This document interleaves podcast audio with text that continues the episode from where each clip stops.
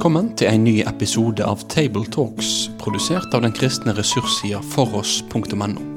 På foross.no får du tilgang til tusenvis av solide, oppbyggelige og korsforankra ressurser. Vil du være med og støtte dette arbeidet økonomisk?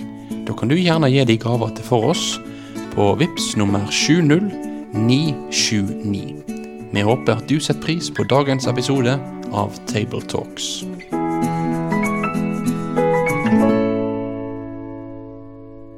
Da er det en glede å ønske deg hjertelig velkommen til en ny Table Talks. Det er en kort eh, tekst vi tar for oss her i dag, men innholdsrik på mange måter og høyaktuelt på alle måter. Vi tre som skal preike og samtale om teksten sammen med deg som lytter på, det er meg, Vegard eh, Soltveit, som eh, tidligere var generalsekretær i Israelsmisjonen og jobba i Indremisjonsforbundet, og nå jobber jeg i Tine og bor i Brumunddal sammen med kona mi og nyter livet der. Og så har vi med oss Espen Hetland, redaktør for Logos bibelleseplan. Og Jorunn Sjåstad, tidligere redaktør av Logos bibelleseplan og pensjonist. Og vi skal høre Teksten lest fra Matteusevangeliet kapittel 3 og vers 11 til 12. Jeg døper dere med vann til omvendelse, men han som kommer etter meg er sterkere enn jeg, og jeg er ikke verdig til å ta av ham sandalene. Han skal døpe dere med Den hellige ånd og ild. Han har kasteskovlen i hånden og skal rense kornet på treskeplassen.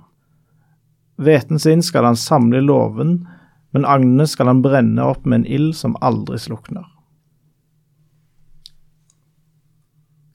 Dette er det jo Johannes som sier, og det er ikke Johannes evangelisten, men det er Johannes døperen. Denne litt annerledes eh, mannen, må vi jo kunne si, som bodde ute i ørkenen, og som ble omtalt som profet, en røst.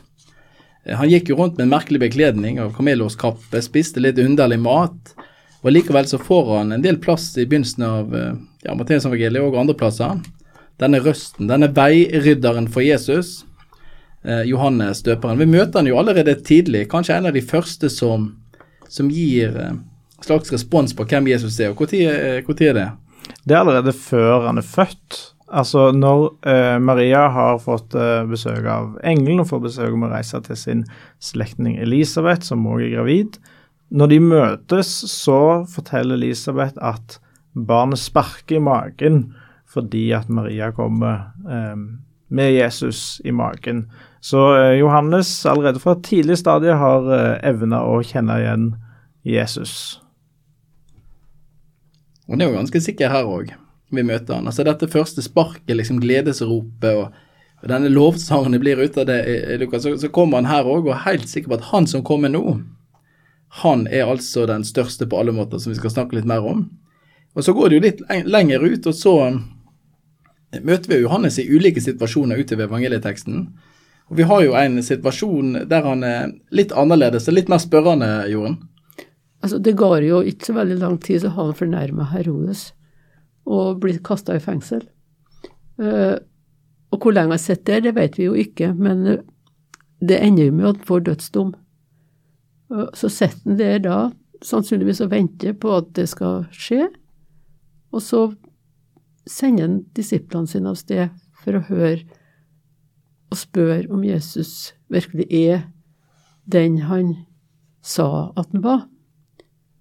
Og om han gjør det fordi at han nå blitt i stuss på om det han sjøl sa var sant, eller om han sa det fordi at disiplene hans kanskje begynte å stille spørsmål om det, det vet vi jo ikke. Men jeg syns det er fint at uh, Bibelen er så ærlig når den forteller om hvem uh, folk er, at de også får lov til å stå fram med tvilen sin, sånn som eksempel Thomas. Mm. Og hele Det gamle testamentet og, og, Bibelen for øvrig er jo full av disse eksemplene. Vi leser om eh, Abraham som, sant, som ses på som den store troshelten, men som allikevel opptrer som veldig usikker og redd, og da begynner med sine egne triks. Eh, han forteller at Sara er søsteren hans for å beskytte seg sjøl. Um, og Elia er kanskje det beste eksempelet på dette. Han profeten som ble metta av ravner i ørkenen, som klarte å starte en hel tørke bare med å annonsere det for kong Ahab, og som sto på Karmelfjellet foran alle Baal-profetene, foran kongen og foran hele israelsfolket, og så ild eh, slå ned på fjellet. Han som virkelig så ut, eh, han flykter jo til Horupfjellet fordi at dronningen har trua han på livet. Når alle disse som framstår som de store trosheltene, eh, kan være så pressa og flykte fordi de er redde, så, så er det oppmuntrende for oss som òg eh, eh, kan kjenne på den usikkerheten. da. Men i vår tekst så sier da Johannes at han som kommer etter meg, er sterkere enn jeg. Så han vet, han vet styrkeforholdet mellom seg og Jesus allerede her, sjøl om han på det nåværende tidspunkt ikke synes å være i tvil, så vet han likevel at Jesus er sterkere enn jeg. Og, men han er altså så ydmyk at han sier at jeg ikke engang verdig til å ta av ham sandalene. Vi møter jo en Johannes som er ærlig her, som har dette blikket, og samtidig er det det vi har vært inne på, at han ja, han er litt det jeg kaller sånn jojo, da. Altså han er litt opp og ned. Og det, og det, er jo det vi er inne på, det er jo hele Bibelen, egentlig. Og så tenker jeg av og til når jeg leser, hva er det mulig? Er det, altså, Sånn som Johannes her. altså Rett etterpå så, så kommer Jesus, og, og, og, Johannes døper Jesus. Og da åpner jo himmelen seg, og Gud preiker ned. Jeg tenker, Hvis jeg hadde opplevd det, skulle aldri tvilt en dag i mitt liv. Og så har vi en parallell, en lesetekst fra eh, andre Mosebok der eh, Moses retter ut staven, sant? og så deler havet seg, og folk går igjennom. Og så går det to uker på andre sida, og så lager de en gullkalv. Det går litt mer enn to uker, men så lager de en gullkalv, og så sier de der er han som førte oss ut av Egypt og åpna sjøen. Så tenker jeg, er det mulig? Mm. Og samtidig så kommer jeg til den erkjennelsen i mitt eget liv når jeg ser på meg sjøl. Ja, det er mulig. Vi kan av og til være litt trådløse, vi òg. Det kan gå litt opp og ned. Og da Jorunn, er det jo akkurat viktig det du sier, å vite styrkeforholdet. Det er ikke jeg som er sterk i det forholdet her. Trua mi er det ikke jeg som er den sterke og den til å stole på, det er han som bærer meg. Og det er utrolig med det Johannes her sier òg. Jeg er svak, han er sterk. Og det sender jo òg det som blir sitert i Johannes evangeliet, det er han skal vokse, jeg skal avta. Og det er det jeg opplever mer og mer i mitt eget trosliv òg. Det er ikke meg det handler om, det er han som bærer meg. Det er det, det, er det som er styrkeforholdet her.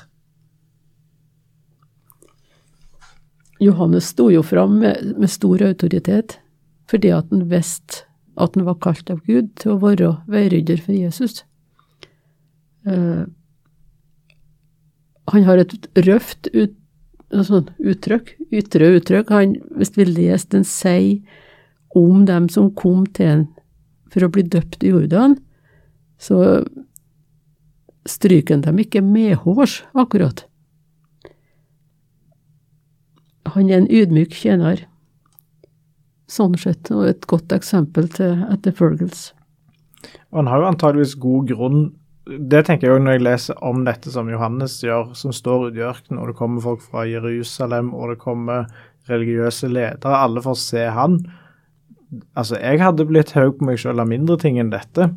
Og da når han klarer å ivareta dette størrelsesforholdet mellom seg sjøl og Jesus, sier jo virkelig noe om den ydmykheten som, eh, som han er gitt, og som, som han holder gjennom disse versene. Og du her han virkelig viser at han er en veirydder, en røst, som, som skal peke på han, for Jesus er jo ennå ikke kjent. Mm. Det er jo ingen som vet hvem han er. Og så likevel så er Johannes så tydelig. Så hvis du hadde blitt høy på deg sjøl, så kan du iallfall tenke at Johannes kunne bli det, for det var jo han som var den store. Det var han folk gikk og visste kom i det Messias. Det var han som virkelig kunne trådd fram, og likevel sa han at nei, det må ikke engang finne på å se på meg. Jeg, altså, jeg er ikke verdig til å bøye meg ned og ta av skoene på han som kommer. Det er han som er Israels Messias. Det er han som er vårt håp. Det er han som er Guds lam som bærer bort verdens synd, osv. Disse Johannes-sitatene. Så styrkeforholdet er viktig. Og så kommer Johannes inn på én ting til. og det er at Han som kommer etterpå, han kommer med noe bedre enn meg. Ja, Johannes hadde en omvendelsesdåp, men hvem er det som kommer etter meg? Jo, han døper med ånd og ild. Det, altså, det er noe helt annet. Disse kraftuttrykkene som Johannes bruker, er jo slående ånden som gir liv, og ilden som tar liv. Egentlig kan vi si det sånn. Og, og begge disse delene her tenker jeg eh, kan ta opp på en sånn dag som dette. Eh, med, det, med alvoret og skjønnet som vi bør ha. For, for, det er klart at det ligger en dom over dette, og det ser vi særlig i de siste versene. Han har kasteskovel i hånden og skal rense kornet på treskeplassen. Hveten sin skal han samle i låven, men agnene skal han brenne opp med en ild som aldri slukner. Dette er jo alvorstunge ord som Johannes tar opp når han peker på Jesus. Han Jesus som vi ofte møter som den snille, den gode. Johannes presenterer han her òg som dommeren. Og Johannes hadde en omvendelsesforkynnelse, og jeg tipper nok at noen av de religiøse lederne oppfatter han kanskje litt som dømmende. Jeg vet ikke om vi kan si det sånn. Men han peker altså på Jesus at det er hans dom som gjelder. Nå kommer han som skal dømme. Og Jeg vet ikke om dere har tenkt litt på hva denne kasteskovelen er? Jo, det er jo et redskap de brukte når de skulle sortere kornet. De, de, tok til agnene, og så kasta de det opp til seks meter mot en vegg. Og på veien dit så ramla den ytterste delen ned, det som det ikke er noe mat i. Så var det noe som havna helt attmed veggen, det var det mye mat i. Og så var det noe i midten som var sånn lettkorn, som de brukte til mat. Kornet som ble uh, liggende ved veggen, sies det, skulle brukes til såkorn, annet. Og så var det noe som hadde veldig lite luft, altså datt med en gang. Ja, og det, det var jo bare til å brenne opp. Ja. Eller noen ganger så brukte de det for å drøye ut mjølet. Men uh, det var ikke det som var hovedsaken her. Hovedsaken er jo at her setter Gud i dommen et skjelde. Det er noe som blir med inn i loven, og så er det noe som blir igjen ut. Og jeg tenker også Når Johannes sier at det er han som har denne kasteskoven, så sier Johannes òg at det er ingen andre som har den. Og Det er et viktig perspektiv å ta med. De menneskene vi møter, det er ikke vi som har kasteskoven. Det er ikke vi som skal renske og, og treske korn, det er Jesus som har denne. Og Dette er jo noe av det tydeligste tenker vi kommer fram i teksten. Det er Jesus som har den. Johannes har den ikke. Og Hvis Johannes er så tydelig på at han ikke har den, så bør iallfall vi være ydmyke nok til å legge oss under det òg. Det er Jesus som er dommeren. Det er han vi bekjenner i trosbekjennelsen. Det er han som skal komme igjen for å dømme levende og døde. Det er hans dom som er rettferdig.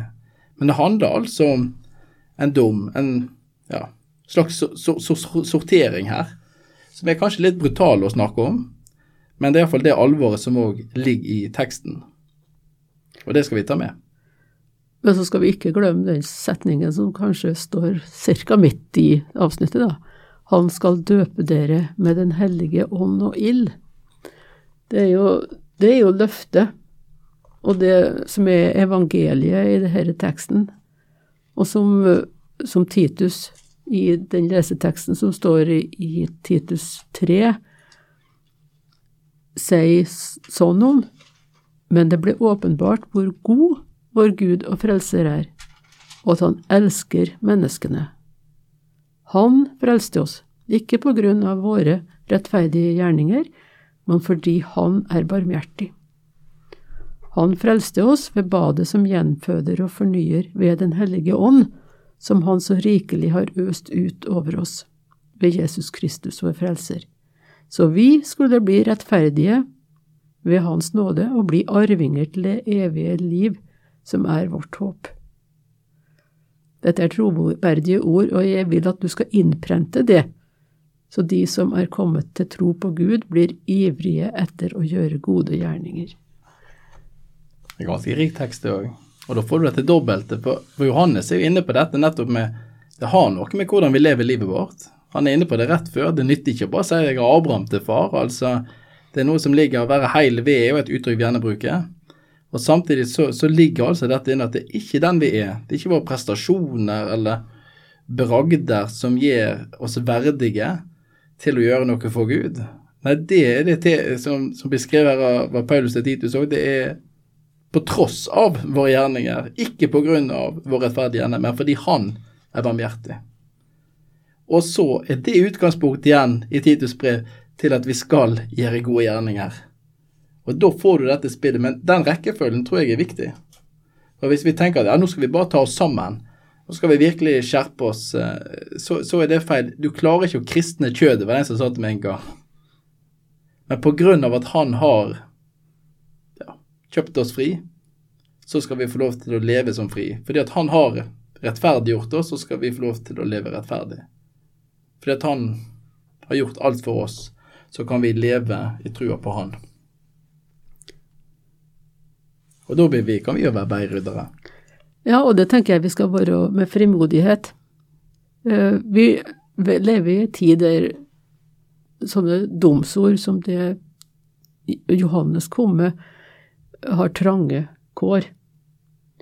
Eh, men hvis ikke folk opplever og skjønner og får forståelse av at de er syndere, så trenger de heller ikke noe nåde, og ingen nådig Gud. Og derfor så skal vi ikke la noen ting stjele frimodigheten vår, for eh, han som kommer, er større og sterkere enn alt. Og det er håpet vårt. Og det er det vi trøster oss til og skal klynge oss til. Vi kjenner òg Han som er større og sterkere. Og det handler ikke om at vi er sterke, eller du er sterk, eller hvor flink du er, men det handler om Han. Det er styrkeforholdet. Og så skal vi få lov til å frimodig forkynne Han og løfte fram dette misjonsperspektivet. Vi skal få lov til å være veiryddere for Jesus. Ikke fordi vi er flinke, eller, men fordi vi får lov. Sånn som Johannes var en veirydder, sånn som andre har vært veiryddere, så skal vi få lov til å rydde vei, sånn at han som virkelig er kommet, og døpt med Hellig ånd og ild, kan få nå inn til menneskets hjerter. Ikke fordi at de fortjener det, men pga. hans barmhjertighet. Så ønsker vi deg som skal forkynne dette, Guds velsignelse over forberedelsene over preika. Og deg som lytter på, ønsker vi òg Guds velsignelse. Takk for at du har lytta til. Da vil vi si takk for at du valgte å få med deg denne episoden av Tabletalks, produsert av den kristne ressurssida foross.no.